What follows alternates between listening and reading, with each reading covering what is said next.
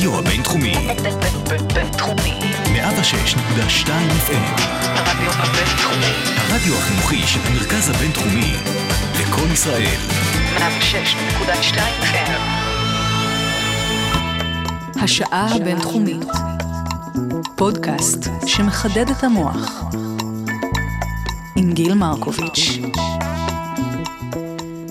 שלום שלום, הרדיו הבינתחומי, 106.2 FM, הנה עוד תוכנית אקדמית, אני גיל מרקוביץ', ואני שמחה לארח איתי הפעם באולפן את דוקטור יוליה גולנד, חוקרת מוח, חוקרת מנגנונים פיזיולוגיים של אינטראקציה בין אישית, ואת אה, שותפה למחקר במסגרת מרכז סגול לחקר מוח ותודעה בבית הספר לפסיכולוגיה כאן במרכז הבינתחומי, שלום שלום. שלום גיל. תשמעי, יש לך טייטל אה, עם הרבה מילים לועזיות ודברים שצריך להסביר במהלך השעה הזאת, אז אני שמחה להגיד שלפחות אה, לשם כך התכנסנו, ואנחנו באמת אה, נסביר הרבה מאוד דברים אה, על אינטראקציה ובכלל חקר מוח ועולם של פסיכולוגיה וכולי וכולי. אז אני שמחה שאת כאן, ושוב תודה. אז אנחנו באמת נתחיל מ... אני רוצה לשאול אותך בכלל איך את הגעת לעולם של פסיכולוגיה, איך בחרת להישאר בו, ואיך בחרת להישאר בו בתור חוקרת, דווקא מכל האפשרויות האחרות שהעולם הזה מציע, והוא מציע לא מעט. טוב, אז זה היה מסלול ארוך ומטלטל. כי הגעתי, כמו שאני חושבת, רוב האנשים מגיעים ללמוד פסיכולוגיה, כי הם רוצים להיות מטפלים. Mm, קליניים. ואז- קליניים, כלומר, כן. מט- מטפלים, פסיכולוגיה מטפלים, קלינית. מתקני נפש האדם, כן. תומכי נפש האדם. וכבר בשנה הראשונה אני הבנתי שזה לא ממש מדבר אליי. ולעומת זאת, כל מה שלמדתי בפילוסופיה, שזה היה החוג השני שלי, אה, מאוד דיבר אליי. אה, והתשובה לכל מיני שאלות שעלו לי בחוג לפילוסופיה, כמו מהי מציאות ואיך אנחנו תופסים את המציאות, מצאתי אותה דווקא במחקר הפסיכולוגי. מרתק, כמו כן. שאת אומרת. מחקר שבעצם חושף את כל המשקפיים שדרכם אנחנו באים במגע עם העולם החיצוני שבחוץ. כן. ואז הלכתי כמה עמוק שיכולתי לגעת במנגנונים, ועמוק זה המוח. או כל תופעה פיזיולוגית, לאו דווקא המוח, הלב, המערכות הפיזיולוגיות. מהמם. ואז בעצם את הדוקטורט שלי אני כבר עשיתי בשיתוף עם מכון ויצמן, אהה. וחקרתי רשתות מוח גדולות. ובתום הדוקטורט אני החלטתי שאני עוזבת את המדע, כן. וחוזרת לטיפול דווקא. מה?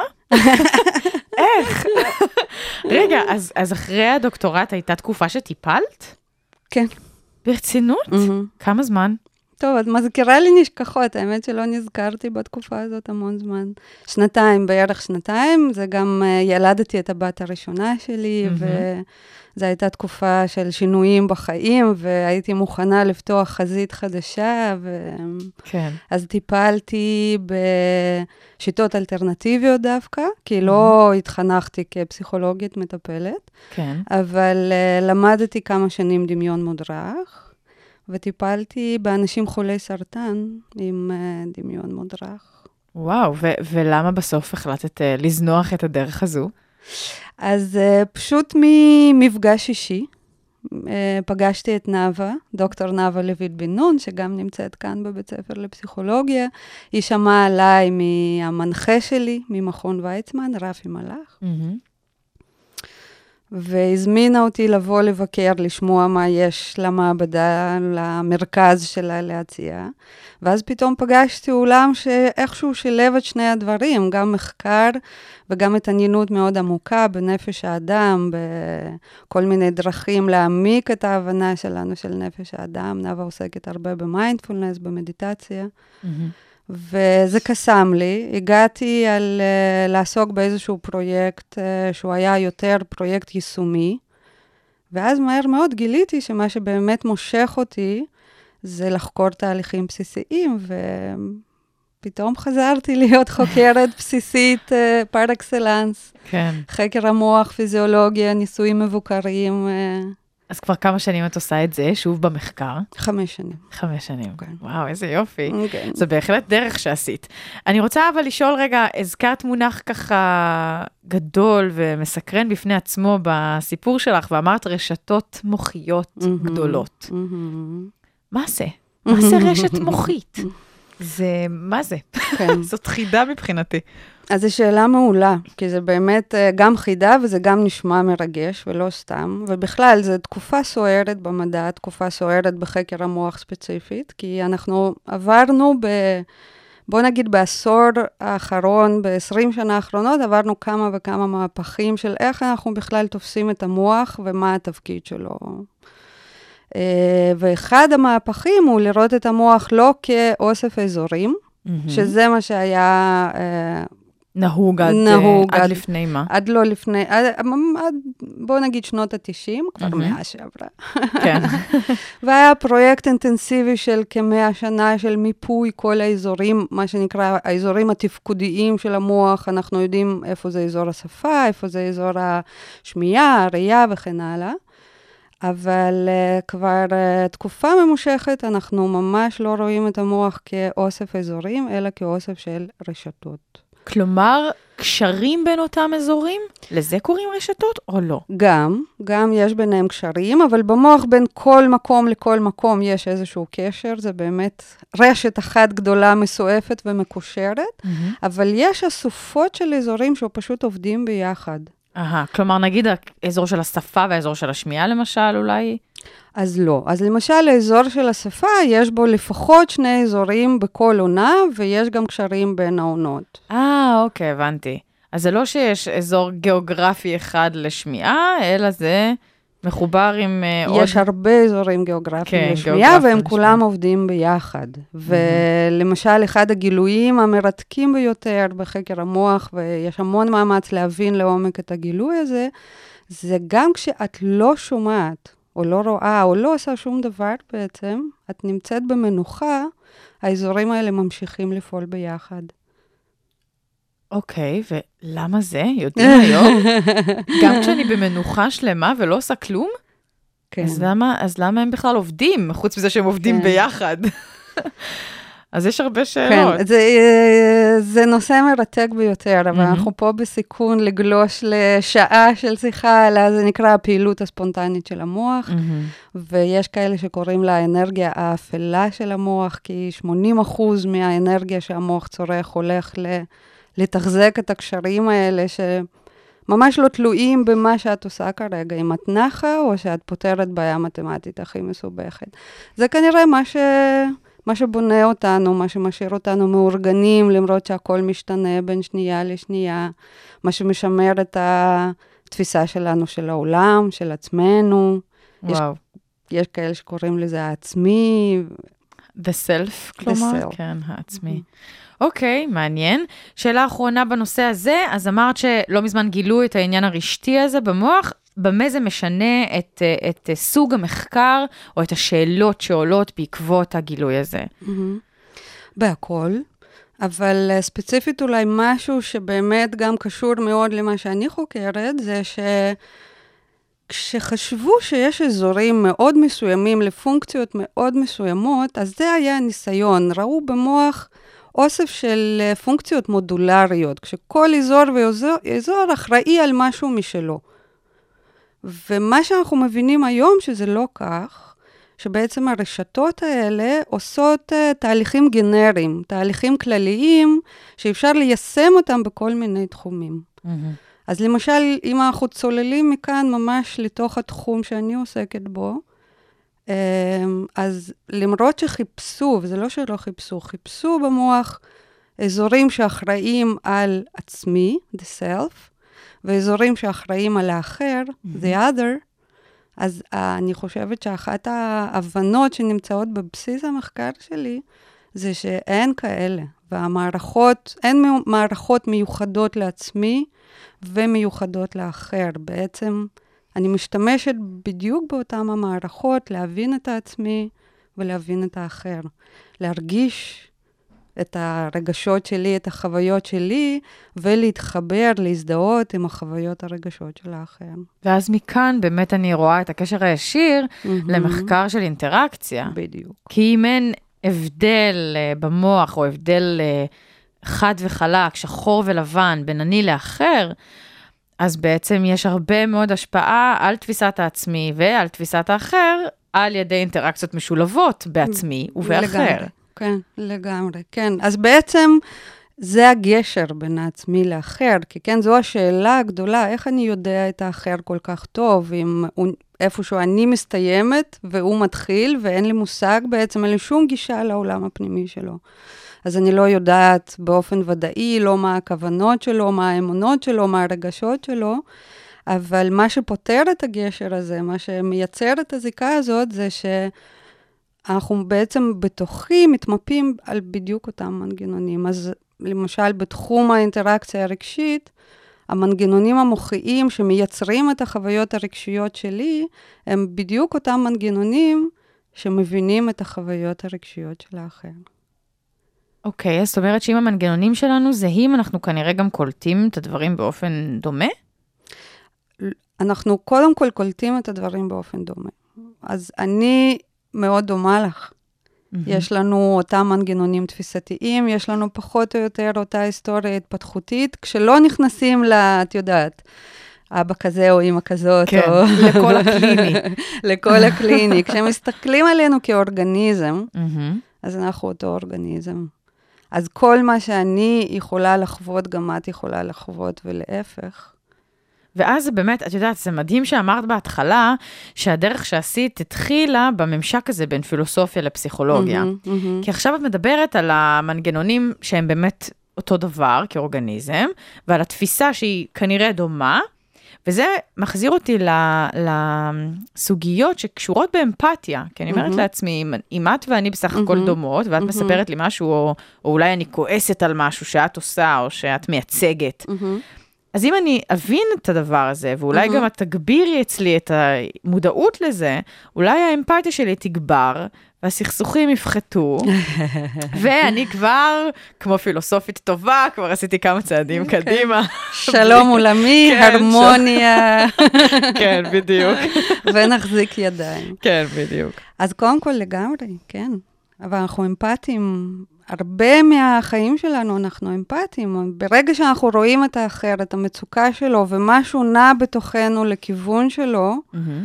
אה, אנחנו אמפתיים. זה לא אומר שנעשה משהו בנידון, אבל אה, ברגע שאנחנו מבינים שבדיוק אותה מערכת רגשית מגיבה למצוקה שלי ולמצוקה שלך, אז אנחנו, ברגע שאני רואה את המצוקה שלך, אני בעצם משחזרת אותה בתוכי. מהמם. וכך אני אמפתית, כי, כן. כי המצוקה שלך נכנסה פנימה לתוכי. מעניין. אמ, אבל אנחנו לא יצורים חד-מימדיים, יש בנו הרבה מימדים. כן. אז למשל, אה, אחד הדברים הכי מעניינים מתחום של פסיכולוגיה חברתית, שזה תחום, אגב, שאני הכרתי אותו בעיקר מלעבוד כאן במחלקה, בבית ספר לפסיכולוגיה, שהוא בית ספר מאוד מאוד חברתי, ויש שם חוקרים חזקים מאוד בתחום הזה. מהמם. לא הכרתי את התחום הזה לפני זה בכלל, מעניין, בתור כן. דוקטור לפסיכולוגיה? אבל בעיקר עסקתי בחקר המוח. אהה. וכל העניין שלי, האמת, באינטראקציה בין-אישית, התפתח במפגש בין הידע שלי על המוח ועל הרשתות לקונטקסט החברתי שיש במחלקה, מהשיחות, מההרצאות ששמעתי. אז אפשר להגיד שבדוקטורט שלי אני חקרתי איך אזורים שונים במוח האדם מסתנכרנים אחד עם השני, מהמם. ואז יוצרים רשת.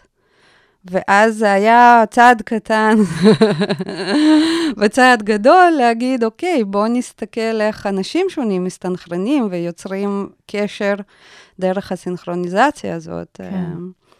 אז בחזרה למה ש... לתחילת המשפט הארוך הזה, פסיכולוגיה חברתית. אחד הגילויים הכי מעניינים ששמעתי מחוקרת של אה, פסיכולוגיה חברתית, זה באמת אם אנחנו מסתכלים על כל הקשרים החברתיים שלנו, אפשר לתאר אותם על פני שני מימדים.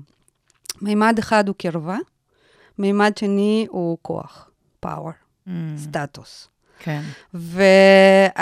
וכששמעתי את זה, הייתי בכנס, איזשהו כנס ענק של חוקרי מוח, וזה פשוט הדהים אותי עד כמה כל מה שקרה ברמה הבין-אישית בכנס הזה, באמת אפשר למפות אותו על שני הצירים האלה. כן. אתה מחפש קרבה לאדם אחר כל הזמן, גם כשאתה בכנס אה, מקצועי, אתה מחפש את את האנשים שאיתם תוכל אה, להיות בנינוחות ובקרבה ובאיזשהי סוג של אינטימיות, מהמם. ואתה גם מחפש להיות קרוב לכוח. את המפגש עם חוקרים חזקים, את הקשרים המקצועיים, ובאמת זה מין מרחב כזה שמתמפה על שני הצירים. כן. אז נגיד אמפתיה זה יותר שייך לתחום של קרבה. כן. כל מה שקורה בממד הכוח הוא... זה לאו דווקא המנגנונים האלה התנהלו שם באותה צורה. מהמם. ולכן אנחנו לא כך קרובים לעולם הרמוני, חובק אה, כל... כי יש אה, עוד אה, דברים שמשפיעים עלינו, עוד גורמים. מאוד, ודרך כן. אגב, רואים את זה מאוד חזק אצל ילדים, שהם בדיוק כמונו, רק הם הרבה יותר אה, חשופים עדיין. אצלהם ממש רואים את כל העקרונות והמנגנונים פועלים בעוצמה. אז מצד אחד, ילדים הם מאוד אמפתיים, מאוד, כי ההבחנה בין העצמי לאחר שם היא עוד לא יציבה מספיק. והוויסות הרגשי עוד לא קיים שם, ולכן הרבה פעמים את רואה שילד שרואה סבל של ילד אחר, הוא סובל מאוד בעצמו, כי הסבל הזה פשוט מתמפה ישירות על הגוף שלו. כן. מצד שני, את רואה המון תוקפנות והתנהגות שמבוגר אף פעם לא ירשה לעצמו, נכון. אבל... אה, פחות, אה, כן. זאת אומרת, פחות מאופקת אצל ילדים. נכון. אז אנחנו נשמע שיר ראשון מתוך מבחר שירים שבחרת לשעה הזו. אה, אנחנו נתחיל עם אומה סומק. אה, בחרת שיר שקוראים לו ממבו. מעולה. את רוצה להגיד למה, או שככה זה פשוט מבחר אה, שירים שאת אוהבת? לשיר הזה אין מה לומר. אין מה לומר, אז בואי נשמע אותו ונחזור אחריו. אני אשמע אותו בפעם הראשונה, האמת, אני לא מכירה.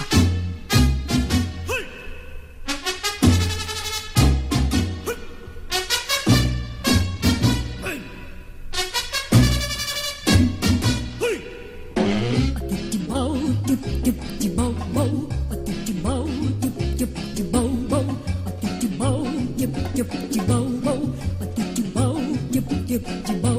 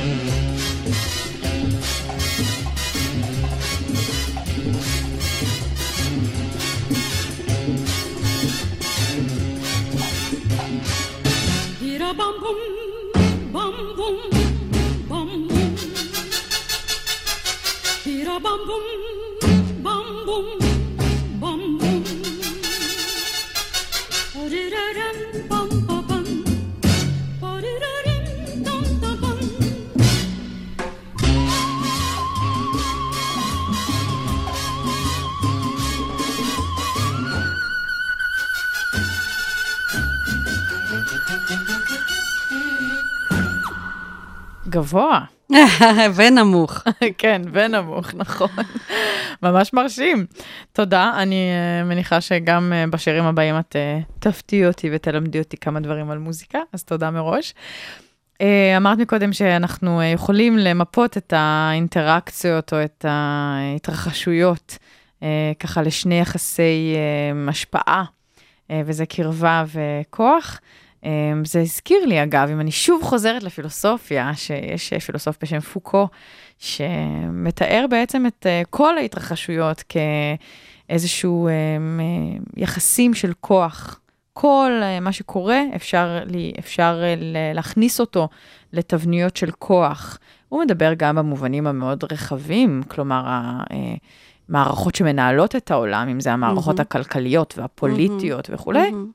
אבל הוא גם מדבר על גבר ואישה או מהמם. כל זוג אחר. אה, ועל יחסים אה, בין מינים ועל יחסים אה, בין הורים לילדים, וגם על המקומות היותר פרטיים, במרכאות שלנו בחיים, פוקו ככה מכניס אותם לתבניות של כוח, וזה נקרא ביו-פאוור אצל פוקו. מהמם. אז אה, זה מעניין שאמרת את זה, כי גם הפילוסופיה הגיעה ל- כן. לממצאים דומים, כן. כי פוקו הוא לא ישן, כן. הוא מהמאה ה-20, כן. מרבית הכתיבה שלו. אבל אני חושבת שהוא מאוד פילוסוף פוליטי. כן, נכון. ולכן הוא רואה גם את כל התופעות דרך המשקפיים האלה.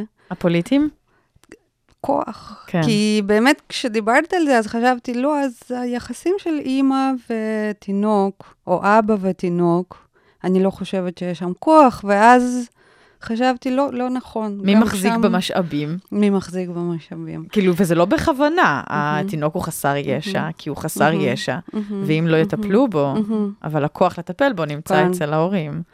אני יותר רואה את זה אולי כבאמת העניין הזה שהעצמי והאחר, הם יכולים להיות זהים לחלוטין ברגעים מסוימים, וזה רגעים מאוד מיוחדים של התמזגות אה, או של זיקה קרובה. אנחנו קוראים לזה במעבדה גם לפעמים togetherness, אה, ביחדנס. אה, כן. באמת איזושהי חוויה שהיא טרנסצנדנטית, היא לא, היא לא חוויה שכיחה כל כך של להיות לגמרי יחד ממוזג עם אדם אחר. מצד אחד, בקצה השני זה נפרדות טוטאלית, ולהפך, מאבק על העצמי, גם מאבק מול האחר, על העצמי, וכל זה יכול להתרחש בתוך הראש שלך, כן. כי העצמי והאחר נמצאים בדיוק באותם המערכות, ו... אז זה מרתק, זה המלחמת כן. עולמות הזאת. אבל זה גם שוב מחזיר קצת לקלינית, כי בקלינית כן יש את הסיפור של הילד נולד, ואז הוא באחדות מלאה עם, נכון. אה, עם האימא או עם ההורה, תלוי, אה, ובאמת יש איזושהי אה, מערכת ששניים הופכים לאחד, והאימא עונה, משיבה על הצרכים של התינוק, והתינוק נכון. עדיין מרגיש חלק מאותו גוף, מהמם. עד שיש איזו היפרדות, ואז גם מרד, והמרד הוא כאילו הקצה שתיארת, הקצה השני של. נכון. ישות אחת כנגד נכון. הישות השנייה, ההיפרדות הזו, כאבי גדילה, ואחר כך איזושהי הירגעות והיכולת לחוות את, הש... את שני הדברים. כן, את אמ, מתארת את זה נהדר. וזה באמת השנים האלה, השנים הראשונות, הן מאוד קריטיות, כי זה שם שהיכולת הזאת להיות עם האחר, שם היא מתפתחת, כי... וזה גם אחת התפניות גם בתפיסה של התפתחות האדם שקורית בשנים האחרונות, שאנחנו באים בלתי נפרדים לעולם הזה. ואנחנו לגמרי ממוזגים באדם אחר, ולא רק אנחנו כאנשים, כל היונקים, כן? מה זה יונק? מהמם. יונק זה אומר שאת בתור אימא תבלי עם הילוד שלך תקופה מסוימת שעד שהוא יוכל לחיות עצמאית, אבל יש בזה חשיבות אדירה. כל ההתפתחות הראשונה שלו קורית בעצם בנוכחות של אדם אחר. אז כן. כן. הילדים שלי זה באמת משהו שפתאום הבנתי שהילדים שלי עד גיל מאוד מאוחר, עד גיל חמש-שש, לא היו רגע אחד מהחיים שלהם לבדם. לא כן. בילו רגע אחד לבדם, כל הזמן עם מישהו קרוב שנמצא שם ליד. נכון. וכשאנחנו חושבים על התפתחות של כל המערכות הפיזיולוגיות שלהם, כשהיא קורית כל הזמן באינטראקציה עם אדם אחר. כן. טוב, אז הנה אנחנו אומרות כל הזמן את המילה אינטראקציה, אז בואי, אה, בואי ננסה בכלל להגדיר אותה. כשאת. אומרת אינטראקציה, על מה את מדברת? כן. יש המון סוגים, כן. אז בואי תגדירי לי, נדע לך, כן. על באיזה שדה אנחנו פועלות. אז בשבילי זה מאוד פשוט, אבל זה, אני חוששת שזה יישמע מסובך. בואי נתחיל, אם יהיו שאלות אני אשאל אותן. אינטראקציה מבחינתי זה אומר שאנחנו מעבירים סיגנלים אחד לשני, נקודה. וזה יכול להיות מלל, וזה יכול להיות. הבעות פנים, וזה. יכול להיות שפת גוף, נכון. זה יכול להיות מה? גם, גם אני יכולה לעשות לך צליל? סתם? אה... כן, וזה כרגע, סיגנל שמספיק? בוודאי, וברגע זה שעשית את הצליל היפה הזה, אולי את השיר הבא תשאירי, את הפקת משהו, כן. בתגובה לזה התעוררו אצלי מערכות שמע, מערכות תפיסה, קלטו את זה. לרגע קט, המוחות שלנו היו מחוברים. מהמם, הבנתי. אז כל דבר שיכול לחבר בינך לביני, זה יכול להיות גם אם אנחנו לא נראה אחת את השנייה. וכל סיגנל, וכשאני אומרת סיגנל, את באמת מנית ככה הרבה דברים. סיגנל זה כל דבר, זה צליל, זה מראה, זה הבעת פנים, זה תנועת יד. זה מגע? זה מגע בוודאי, מגע זה סיגנל אדיר. אז כל סיגנל כזה מחבר בינינו, כיוון שבו זמנית מערכות דומות אצלך ואצלי מתחילות לפעול. כשזה, דרך אגב, ממש בהיפוך למה ש... לצורה שבה תפסו את זה פעם. כי מבחינת המודלים הישנים יותר, כשאת מפיקה שפה או צליל, אז את משתמשת במנגנוני ההפקה שלך, מהמם. ואני משתמשת במנגנוני הקליטה והתפיסה שלי. כן. אבל uh, אין ביניהם הבדל. בעצם שני המנגנונים פועלים גם בזמן הפקה וגם בזמן תפיסה. הפעולה ותפיסה זה אותם מנגנונים. או, וואו, זה משנה לגמרי. כן. הרבה מאוד דברים שאני יודעת ולוקחת נכון. כמ- כמובן מאליו או כתשתית. נכון, אז למשל, אחד המחקרים שאני מאוד מאוד אוהבת, גם בגלל שהמחקר הזה נעשה על ידי חבר טוב, שהוא.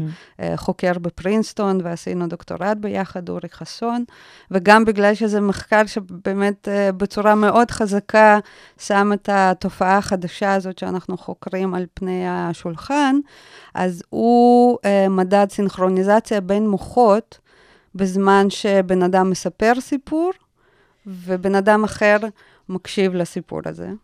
אוקיי, והוא ראה שפועלים אצל, בב- כן. במוחות של שניהם פועלים אותם אזורים?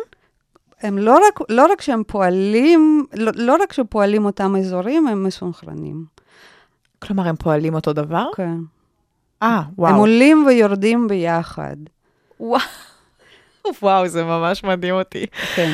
אבל זה גם באמת משנה המון מהדברים שאנחנו כן. יודעים. אני מנסה לחשוב על כל הרעיון הזה של קלט ופלט. בדיוק. זה יצר מלא זה דברים. משבש אותו לגמרי, את כן, זה הרעיון הזה. משבש אותו כן, לגמרי. כן. מזל שלפחות בנינו על סמך הרעיון הזה כל מיני מכונות חכמות, ואת יודעת, כאילו, אני באמת אומרת לעצמי, זה משהו שאנשים תפסו כקונספט ש... מהמם. שהוא לא מעורער, כן? שהוא אי. אפשר לערער אותו.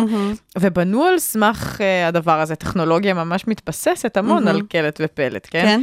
כן. אוקיי, אני מבינה, אבל אם את אז חושבת זה על זה, מעניין, זה עכשיו, גם... תח- תחשבי שהיינו מדלגים על השלב הזה, אולי לא היינו מייצרים, כן. מבינה? מצד שני, אם את חושבת אפילו על רמה של מחשב, כן, מהמם. על CPU תומך גם בקלט וגם בפלט.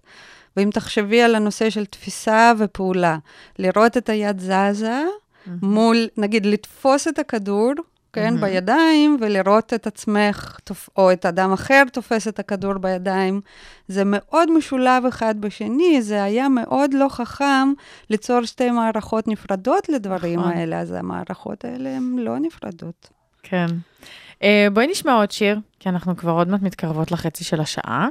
אה, אז נשמע את אה, לא ציפיתי של סוליקו, אחלה, ועם קרולינה גם. אחלה. אה, נשמע את זה ותכף נחזור.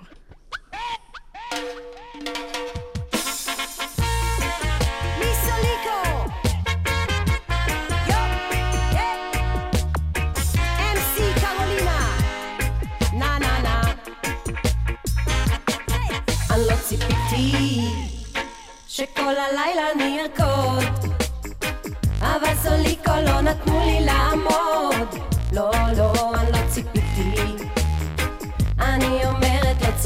ציפיתי. מסוליקו לפחות. כי רק סוליקו מרגישים את הבנות, ורק לזה אני חיכיתי. סוליקו פה התקליטים מסתובבים כל כך מהר. כשהם על העמדה אני לא רואה אף סאונד אחר. הם שולטים ברחבה לא משאירים לכם ברירה. כל שיר שהם נותנים מעיף לגג את המסיבה. הם לא חוזרים על השירים לא מנגנים אותם דברים. מוסיפים את הקצב לשירים ישראלים. כן את הבר הם מרוקנים את הירוק מגלגלים. קרולינה על המיקרופון עוד ספיישל הפנים. לא ציפיתי שכל הלילה אני ארקוד אבל סוליקו לא נתנו לי לעמוד. לא, לא, אני לא ציפיתי. אני אומרת לא ציפיתי. מסוליקו לפחות. כי רק סוליקו מרגישים את הבנות. ורק לזה אני חיכיתי אז תנו לי לי סמך, לי ו', תוסיפו למד, י' קו', סוליקו ארבעה וכל אחד מהם כוכב. עידו ווידו, שימי סוניק, סאבו וגם רוב, גם אחרי בקבוק שלה רק מצליחים הם לעמוד. אז תעשו להם כבוד ואל תפסיקו פה לרקוד, כי כשסוליקו מנגנים כולם רוצים רק עוד ועוד. אף פעם לא מתייאשים מול אלפים או מול עשרים, סאונד כזה אתם יודעים, לא שמעתם בחיים.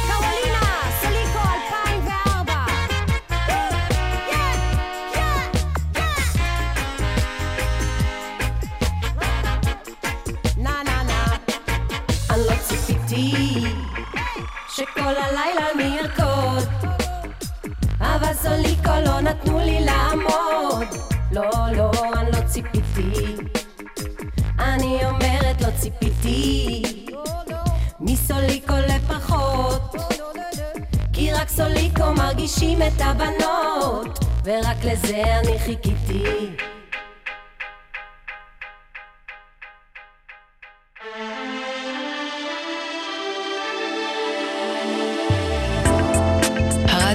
הבינתחומי, בינתחומי.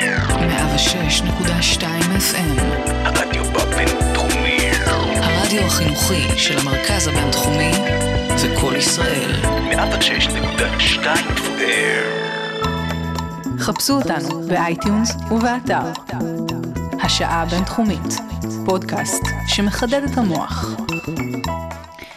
אוקיי, אז הסברנו מה זה אינטראקציה, זה דבר ענק, מאחר ואנחנו בעצם כל הזמן באינטראקציה. כל הזמן כן. באינטראקציה. חוץ מאולי כשאנחנו ישנים, ובטח עכשיו תגידי לי, לא, גם המוח שולח סיגנל של זיכרונות, של תחושות, של רגשות כי אנחנו ישנים, הוא מתכונן לקרב הבא.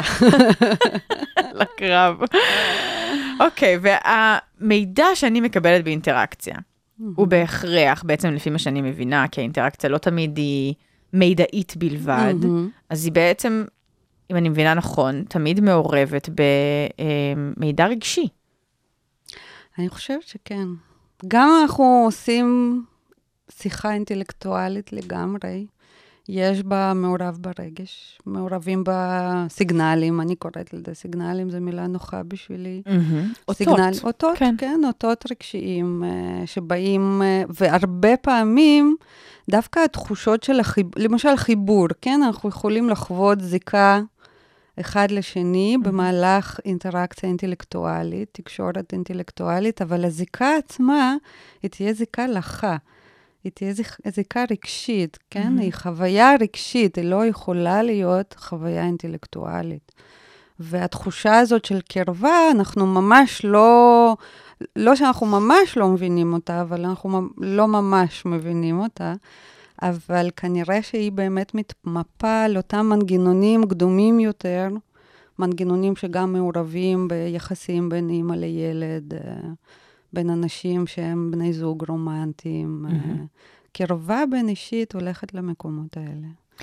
ואז מה זה אומר בעצם על הידע האינטלקטואלי שאני מוסרת? שאם המוסר או הנמסר, הנמען, משדרים דברים רגשיים אחד לשני שהם אה, אולי לא כל כך מחבבים, כן?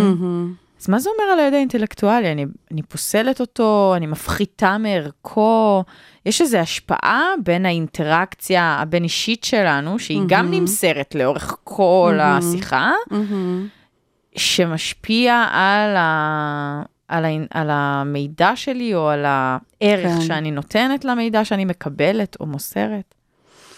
זה ממש לא מוריד מערכה של אינטראקציה אינטלקטואלית, או ידע אינטלקטואלי, או תקשורת שהיא תקשורת אה, של מושגים, של מידע, של רעיונות. אה, כן.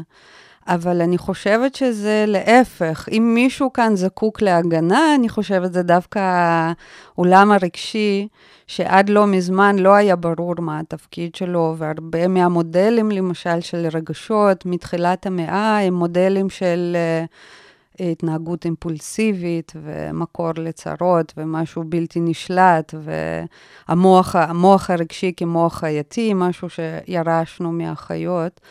אני חושבת שהתובנות האחרונות הן, הן א', שנורא קשה לשים את הגבול בין הרגש לאינטלקט, מאוד mm-hmm. קשה.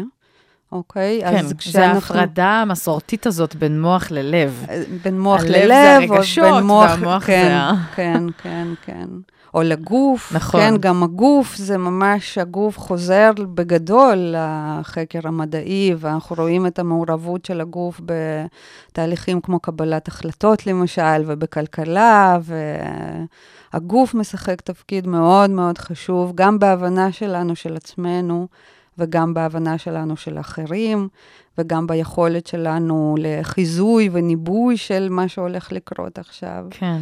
והוא מצטרף באמת לאחד הערוצים הכי חשובים לאינטראקציה שהיא יותר אינטראקציה רגשית, אבל שמלווה גם כל אינטראקציה אינטלקטואלית. כן. יש איזשהו סוג של אינטראקציה מסוים שאת בעיקר חוקרת מתוך כל המגוון שכרגע דיברנו עליו? כן. כרגע אני מתמקדת באינטראקציה, גם אני, גם uh, השותפים שלי והרבה מהחוקרים במעבדה, אנחנו מתמקדים באינטראקציה שהיא לא מילולית דווקא. לא בגלל שאנחנו לא אוהבים אינטראקציה מילולית, אבל היא כל כך שונה בין אנשים, שבינתיים אנחנו לא כל כך יודעים מה לעשות עם כל השונות הזאת. מה זאת אומרת? איזה שונות למשל יש באינטראקציה מילולית בין אדם לאדם? היא יכולה להיות רדודה או עמוקה, יכולה, יכולה להיות כימיה בין אנשים או לא, יכולה להיות להם שפה משותפת או לא. אחד בא במצב רוח כזה והשני בא במצב רוח אחר. ו... אבל זה נשמע כאילו זה משפיע גם על הבעות פנים שלי, המצב רוח כן, שאיתו אני מגיעה, אבל- ולא רק על המלל. זה נכון, אבל ברגע שזה יהיה שונה, בוא נגיד אם אני אזמן זוגות של אנשים למעבדה ואני אתחיל לחקור מה קרה ביניהם, אז ברגע שהם היו כל כך שונים אחד מהשני, יכולת ה... היכולת שלי לשאול שאלות כלליות על מנגנונים היא לא חזקה במיוחד. אלא אם כן אני ממש מבנה סיטואציה בין אישית ספציפית, ואנחנו מתחילים לעשות את זה, ואני חושבת שאנחנו הולכים לכיוונים מרתקים ביותר. אבל בינתיים מה שהתמקדנו בו זה עצם הנוכחות. כן. אז למשל, אה, שמנו אנשים אחד ליד השני, והם צפו בסרטים ביחד. אז הם אפילו לא מסתכלים אחד על לא השני, הם צופים בסרט. כן. אז איזה. אינטראקציה נוצרת ביניהם? גם, ב, גם במצב המינימלי הזה, mm-hmm. המצב החברתי המינימלי של עצם הנוכחות יחד, אנחנו רואים שאנשים ממשיכים להעביר אותות אחד לשני, ומסתנכרנים אחד מהשני, לא רק בגלל שהם רואים את אותו, אותו הסרט, אלא מעבר לכך. זאת אומרת, החילופי המידע ממשיכים גם כשאנחנו לא מדברים אחד עם השני. איך בודקים את זה טכנית רגע? פיזיולוגיה. אנחנו מקליטים את התגובות הפיזיולוגיות שלהם שנייה אחרי שנייה, ובודקים האם התגובות הפיזיולוגיות של אנשים שישבו אחד ליד השני, הן יותר דומות מאשר של אנשים שצפו באותו הסרט, אבל לא באותו זמן. אז לא הייתה להם הזדמנות להעביר שום מידע אחד לשני. הבנתי, אז למשל, אם אתם מצלמים את זה ורואים חיקוי, כן? אז זה. דוגמה ל- לאיזושהי סינכרון, לאיזשהו סינכרון בין אותם... זה אה, דוגמה, אה, כן, זה דוגמה כלפי חוץ, כן. זה, מהמם. זה דוגמה כבר של ביטוי. אה, של אז איזה עוד הרגשות. דוגמאות יש שאתם רואים את הסינכרון הזה בין האנשים שצופים ביחד בסרט? בקצבי לב, בנשימה, במוליכות עור, בתגובות של המערכות פיזיולוגיות שלהם. מה? כן, זה מפתיע. אני בשוק. קצב לב אבל אני אגיד לך איך... אה, אני אגיד לך איך... אה, אבל לא. אני אגיד לך איך נוצר, מאיפה בא לי הרעיון לעשות את זה ככה. אה, חיפשתי איזשהו גירוי רגשי מאוד חזק. מהמם. אני כל הזמן בחיפוש אחר, אחר גירויים רגשיים חזקים, שנצליח לנענע את המערכת הרגשית של אנשים כשהם באים אלינו למעבדה, שזו משימה מאתגרת, זה כן. לא פשוט. Uh, ואז מישהו המליץ לי על The Voice. תוכנית The Voice, אני לא ידעתי מה זה, אני לא צופה גדולה בטלוויזיה, אין לי טלוויזיה, אז פשוט לא הכרתי את זה. כן. אז כן. מצאתי את זה ב- באינטרנט, ובאותו היום כבר לא עשיתי שום דבר, אני רק ישבתי וצפיתי ב-The Voice, כל הפרקים, כל העונות, כי זה באמת גירוי רגשי מאוד מאוד חזק, והם יודעים איך לעשות את זה, כן? הם יודעים איך לנעול אותנו למסכים, זה... It's a steering experience. ואז חזרתי הביתה, והמשכתי לראות את The Voice. וניגש מאחור בעלי, ופשוט עמד מאחוריי. הוא לא אמר מילה, לא ראיתי אותו, אבל פתאום ה-The Voice כבר לא מצא חן בעיניי יותר. ההתלהבות שלי, ההתלהבות שלי ממה שראיתי על המסך פשוט ירדה, ירדה כי... כי הוא עמד מאחוריי, והוא לא מהטיפוסים שהתלהבו. שם? אה, והוא שידר גרוע, כן? זה גרוע. אני לא יודעת איך הוא עשה את זה. הוא שידר בוז. הוא שידר בוז, ואני הרגשתי את זה בלי לראות אותו, בלי לשמוע את זה. יאללה. ואז נזכרתי בכל אותם מקרים, ואני בטוחה שגם לך זה קרה, שראית סרט עם אנשים שלא התחברו לסרט, ולא הפחית. נהנית ממנו. כן. זה הפחית לי את ההנאה, לך אף על פי. שידעתי שאם הייתי לבד, הייתי כנראה חווה את זה. שונה לגמרי. כן.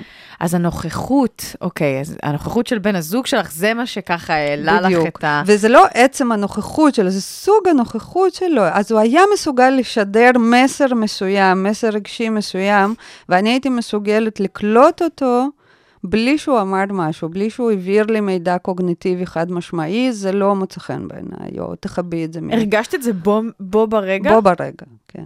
ואז גם עלית על הרעיון בו ברגע? ואז פתאום, ואז התחלתי לחשוב בכיוון, וכן, ואז עשינו ניסוי, כמובן, עם הרבה פיק ברכיים, כי זה, זה נשמע כמו רעיון אה, כן, כן, מדע בדיוני. מדע בדיוני, אבל אם חושבים על זה, זה לא מדע בדיוני בכלל. אנחנו מעולים בלקלוט מסרים לא ורבליים מאנשים אחרים, ולהתאים את עצמנו, ואת ההתאמה אנחנו עושים בצורה אוטומטית.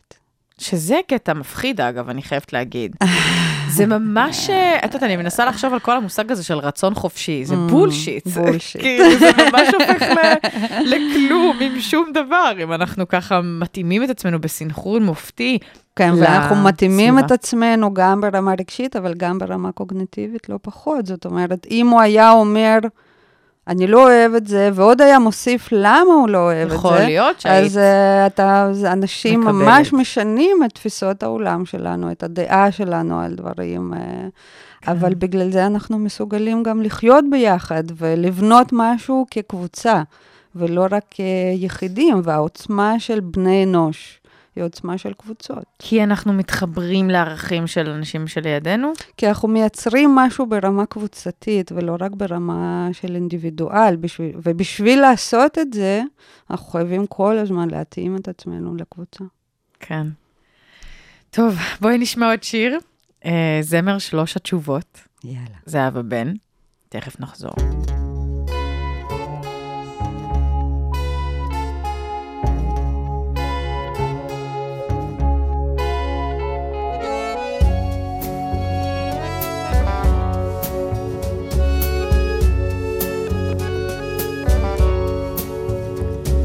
אמר אם תלכי אחריי, לא כתיפה תלבשי ולא מישי, יהיה מר עד בלי כוח אולי. אז אמרה היא לאט כוח יש לי, אם צריך את הלך בסחבות, כלובשת כתיפה מבריקה. אם צריך הקרצף רצפות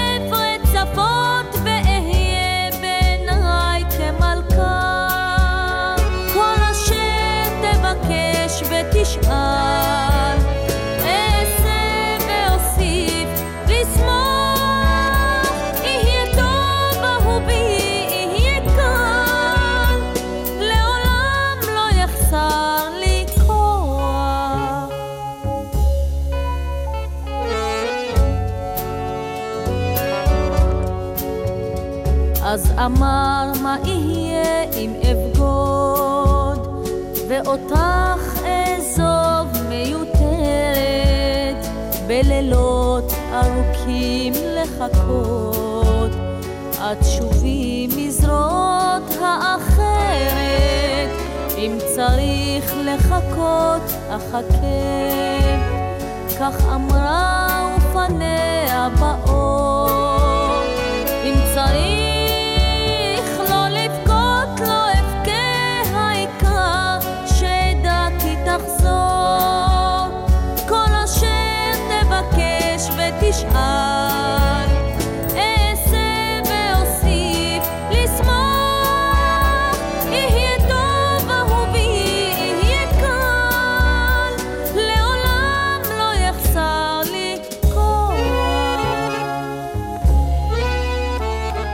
אמר מה יהיה אם אגיד שעלייך לקום וללכת ולשכוח אותי ושנית? לא לשוב כי לרחוב את מושלכת היא רק רגע שתקה בת חייך. אז דיברה ופניה כחפור אם תאמר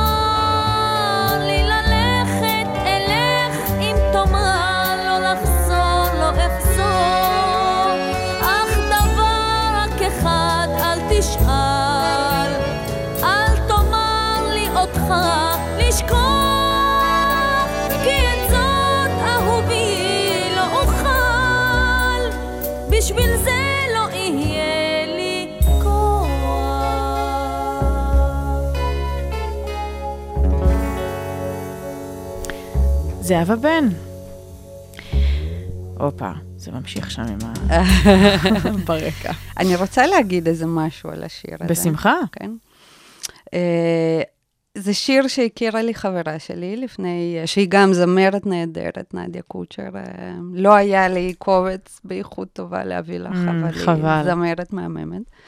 אה, ומאוד אהבתי את השיר הזה. ואז החלטתי, כי הרש... השירים שנתתי לך זה רשים... שירים שבעיקר בתקופה האחרונה, ככה משמחים ומרגשים אותי. ואז uh, כשחיפשתי אותו ושלחתי לך, אז כבר המשכתי להקשיב לו ביוטיוב, ואז ראיתי את הקומנטס. מהמם. ראיתי מה אנשים כתבו על השיר הזה, מה? ואמרתי, אוי ואבוי, פשוט למה? ישחטו אותי, כי אני לא יודעת אם הקשבת, ל- הייתה לנו שיחה סוערת, לא יודעת אם את הקשבת או את מכירה את השיר. למילים אני מכירה את השיר. כי זה, כי אני אגיד לך מה אני שמעתי בשיר הזה, אני שמעתי התמסרות טוטאלית, כן. ללא שום ספקות, וזה דבר שהוא מאוד נדיר בחיים שלנו וביחסים שלנו, מהמם. בהכל, ו- ואני אוהבת טוטליות ואני אוהבת התמסרות, וחסר מאוד מהדברים האלה. אבל מה שאנשים אחרים שמעו בו זה אה, אנטי-פמיניזם. כן, שוביניזם. שוביניזם, אולי, כי זה, זה לא שוביניזם, כי היא, כי היא אומרת את זה על עצמה, נכון? אני כן, אבל אתהלך יש נשים, בסחבות. יש ו- נשים שוביניסטיות. נשים שוביניסטיות. אז זהו, זה היה לי חשוב לומר שאני שזה לא... לא מהמקום השוביניסטי. זה לא מהמקום השוביניסטי, וכמה...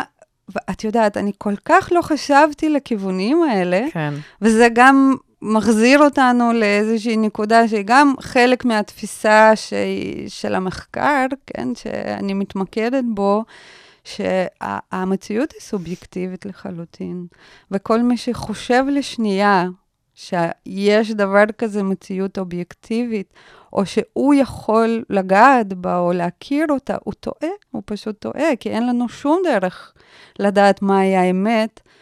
והמוח שלנו הוא בעצם מערכת שלמה לייצור של משמעות. רעיונות ומשמעות, כן. ומשמעות, ואנחנו צוברים את המשמעות הזאת במהלך חיינו, ודרכה תופסים את המציאות הזאת. כן. אז אסור לשכוח את זה. אז המסר, אה, באמת ככה, המסקנה לפחות שהגענו אליה לפני שהשמענו את השיר, באמת מדבר על, אה, על אינטראקציה שההשפעה שלה היא אפילו אם לא נדבר, רק אם נצפה באותו תוכן או נחשף לאותו תוכן, וההשפעה היא כל כך כל כך עמוקה, שהדעות שלנו יכולות להשתנות בעקבות האחר, וה... אה, איך אמרת? קצב אה, נשימות מהמם, וקצב מהמם. פעימות הלב. מהמם, שזה מדהים. Um, שוב, מבלי להגיד בהכרח משהו, מבלי מהמם. לעשות, uh, כן לעשות את אותה פעולה, צופים בסרט, אבל um, כל אחד כאילו לבד, כן? מהמם. הוא והטלוויזיה, אבל רק באותו חדר. הדבר הזה המדהים, מהמם. לאן הוא לוקח אתכם, uh, החוקרים והחוקרות uh, היום? כלומר, מה זה אומר ההשפעה הזאת? מה זה אומר על האינדיבידואל? מה זה אומר על הבחירה החופשית? מה זה אומר על המסרים שאנחנו נחשפים אליהם? אולי אנחנו צריכים לברור אפילו עוד יותר טוב את כל מה שאנחנו עושים כל היום, כדי כאילו לשמור על עצמנו. מצד שני, אני לוקחת את מה שעכשיו אמרת ואומרת, אולי אנחנו צריכים להתמסר. מהמם. להתמסר מהמם. ולהבין שאנחנו צריכים לשחרר שליטה. ולתת לדברים להשפיע עלינו, ולהישאר ביקורתיים במידה, וגם uh, מקבלים במידה. שאלה נהדרת. קודם כל, כל אחד שיחליט לעצמו. אבל אה, חוץ מזה, אם בכלל, אני חושבת שצריך לחזק את זה, ואנחנו, לפחות במעבדה, אנחנו דווקא זזים למקומות, כמו שטיפה הזכרתי, זזים למקומות של אה, התמזגות. אוקיי. אה, אותי אישית המקומות האלה מרתקים, התמזגות עם האחר. עם האחר. איך אפשר... מכוונת? מכוונת? מכוונת, כן. איך אני- אפשר לייצר uh, סיטואציה עם כל הידע שלי על המנגנונים ואיך הם עובדים ומה יכול להעצים את זה, איך אפשר לייצר סיטואציה שבה אנשים פשוט באופן שהוא מנוהל סיטואציה, נכנסים להתמזגות, לחוויה הדדית, לזיקה הדדית. אני חושבת שזה מאו- מקומות מרתקים, לאבד את הגבולות של עצמך. ויש יש לי כל מיני רעיונות משוגעים, גם איך לעשות את זה באמצעות מקצבים, למשל מקצבים מאוד ממזגים בינינו, מהמם. ובטח אה, מה, את- כמו ממש של מט- מטרונום? כמו מטרונום. אפשר להגיד כמו מטרונום, מה שמייחד מטרונום זה שיש לו תדר מאוד ספציפי. מהמם. ואנחנו יודעים מאוד גם מחקר אה, אה, עצמים פיזיקליים וגם אה, מחקר התנועה בבני אדם, שאנשים נוטים להסתנכרן בתנועה שלהם. אז אם נגיד עכשיו הייתי אומרת לך, אה, בואי נתעופף על השולחן, מהמם. אז היינו מתעופפות בסינכרון. אה, היינו ב- מתחילות אולי שונה, אבל באיזשהו שלב היינו מסתנכרנות. כן. ומה קורה אם אנחנו באופן מכוון מתחילים לסנכרן בין אנשים, ואיזה מין דבר זה מייצר ביניהם. אז אולי זה, אמרת מקודם לאבד את הגבולות מהמם, שלך, של מהמם. העצמי. מהמם. לאיזה דברים זה יכול להוביל? זה למה נשמע זה לי- טוב? זה נשמע לי מסוכן. בא במידה שזה מרגש ו-. ומעשיר. למה זה מסוכן? כי למשל, אני יכולה ל- לאחד אותך סביב ערכים שלי, שהם. אולי מאוד פוגעניים, או אולי מאוד. הם, פוס, פוסלים את האחר שהוא לא את ואני, כן? אני. הופכת אותנו לקבוצה כל כך חזקה, שאני יכולה בקלות להדיר כן, ממנה כן. אה, אנשים אחרים, לגמרי, את פרטים צודקת אחרים. לגמרי. אז למשל, כל התנועות הטוטליטריות מתבססות מאוד על העקרונות האלה של סינכרון בשביל למזג אנשים לכדי קבוצה אחת. מהמם. אם את חושבת על מצעדים צבאיים, כן. כולם לובשים אותו דבר. יש צועדים מקצב, אותו דבר. הם צועדים אותו דבר, הם מדקלמים שירים אותו דבר. ברגעים האלה, המערכות תפיסה פעולה אצלהם מתמזגות. מה שאני עושה, הפלט שלי זה לקלט שאני מקבלת מהאחר. מה כן. שהדבר הזה עושה, וזה דרך אגב מוכח אה, אמפירית במעבדות, זה שברגעים האלה יש מיזוג בין העצמי לאחר, ואתה באמת נהיה מאוחד, ואז אתה, זה בעצם מבטל את העצמי, ומבטל חשיבה עצמית וכן הלאה, כן, בוודאי. אז. איך, איך, איך גם שומרים על ביקורתיות, נגיד, אה, שהיא לכאורה מנגנון ההגנה מהמם. כאן בסיפור הזה? מהמם. איך גם עושים את זה, אבל גם באמת מגבירים אמפתיה. כן, אני כרגע כל כך התאהבתי ברעיון הזה, שלא יודעת איך שומרים על גורדיות, הסתנכרנתי עם הרעיון, ו... של הטוטליטריות? לא, תשמעי, של האפשרות הזאת, בשבילי אישית, שוב, את יודעת, אנחנו אה, באיזשהו שלב, אה, בעלי שסובל המון מכך שאני מדענית. מכיוון שזה אומר שעות ארוכות במעבדה, להיות מאוהב במעבדה שלך, כן. תשוקה למה שאתה עושה. אה, אז הוא אמר לי בבוז, כן, אני חשבתי שאתם שם בשביל לגלות את האמת. אני הבנתי שאתם שם בשביל לספק את הסקרנות שלכם. אבל יפה. כן. אבל, אה, אז אותי אישית המקום הזה מאוד מסקרן. כל מה שאת אומרת, תשמעי, אף אחד, הדברים האלה לא מבטלים את היכולת שלך לחשיבה.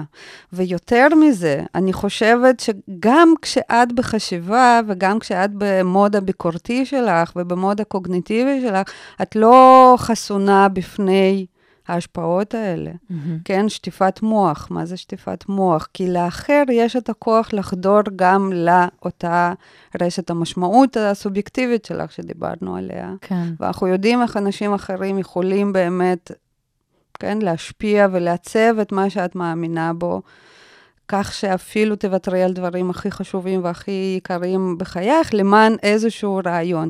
כן, אכן, לאחרים יש את הכוח הזה, לטוב ולרע. Mm-hmm. ולטוב ולרע, ועד כמה את מכניסה, ומה בדיוק את מכניסה לתוך החיים שלך, זה כבר באמת בחירה שלך, ואני מאמינה שיש בחירה, בעיקר אם את מכירה גם את המנגנונים האלה. אוקיי? אז אני חושבת שכאן ה-neuro-education וההבנה של איך הערוצים האלה פועלים, יכולים לעשות עבודה נהדרת. זה נושא של מודעות. זה נושא של כלומר, להכניס מודעות, מודעות כן. להשפעות האלה, ל- ל- לקיומן. לגמרי, כן. זה אולי יכול גם להחזיר, להחזיר לי, איך אני אומרת את זה? אני צריכה למצוא טרמינולוגיה אחרת. אה, להגביר אצלי קצת אה, גם את החשיבה העצמית, ככל שיש דבר כזה. למרות שבדרך כלל יש לנו המון מזה.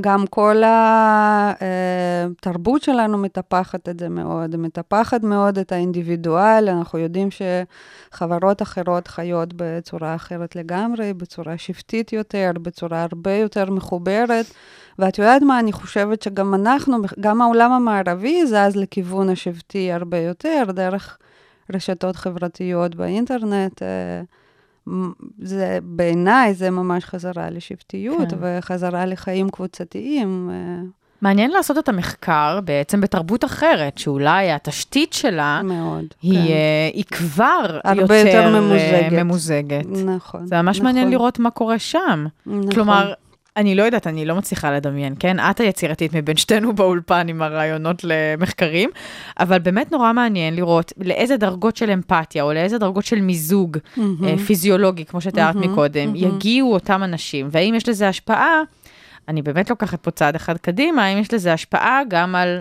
רפואה, כלומר, אולי האמפתיה יכולה להשפיע בין אדם חולה לבריא, כלומר, אולי כשנמזג אותם, כן, אה, על ידי כל מיני תופעות פיזיולוגיות, זה ישפיע על מערכות פנימיות בגוף. אני לא יודעת, זה סתם עכשיו איזה, את יודעת, אני ככה לוקחת את המדע כן. הבדיוני של מקודם ומדברת אותו כאן, אבל יכול להיות שאולי באמת, אם הדבר הזה כל כך... אה, בר השפעה, אז אפשר לקחת אותו למקום uh, קדימה, ואולי אנשים שגדלים בתוך תרבות שזה מה שהיא מקדשת, ולא כמו התרבות שלנו שמקדשת את האינדיבידואל, כן. יכולים להביא את זה למקום אחר. יכול להיות, ומה שאנחנו חושבים זה שזה די פשוט גם להעצים את זה פה, בינינו, בלי התרבות הזאת, כי אנחנו מכירים את הערוצים שדרכם צריך לפעול בשביל זה.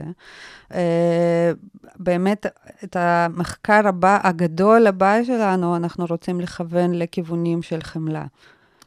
כי אם אנחנו דיברנו קצת על הדבקה רגשית, אה, של רגשות שעוברים בין אחד לשני בצורה אוטומטית, ואז על אמפתיה, על יכולת שלי להרגיש את הכאב של האחר, אז אפשר להגיד שהדרגה הבאה יותר, ואולי הכי נעלה אה, ברמה הבין-אישית, זה היכולת שלך לחוש חמלה כלפי אדם אחר, נכון. ומה מה המנגנונים שמעורבים שם, האם אפשר לאמן לזה, האם אפשר על ידי איזשהו שינוי של תפיסת העולם, תפיסת האחר, להזיז אותנו קצת לכיוונים האלה שהם בהחלט מיטביים לקיום ההדדי. וזה סיום אופטימי.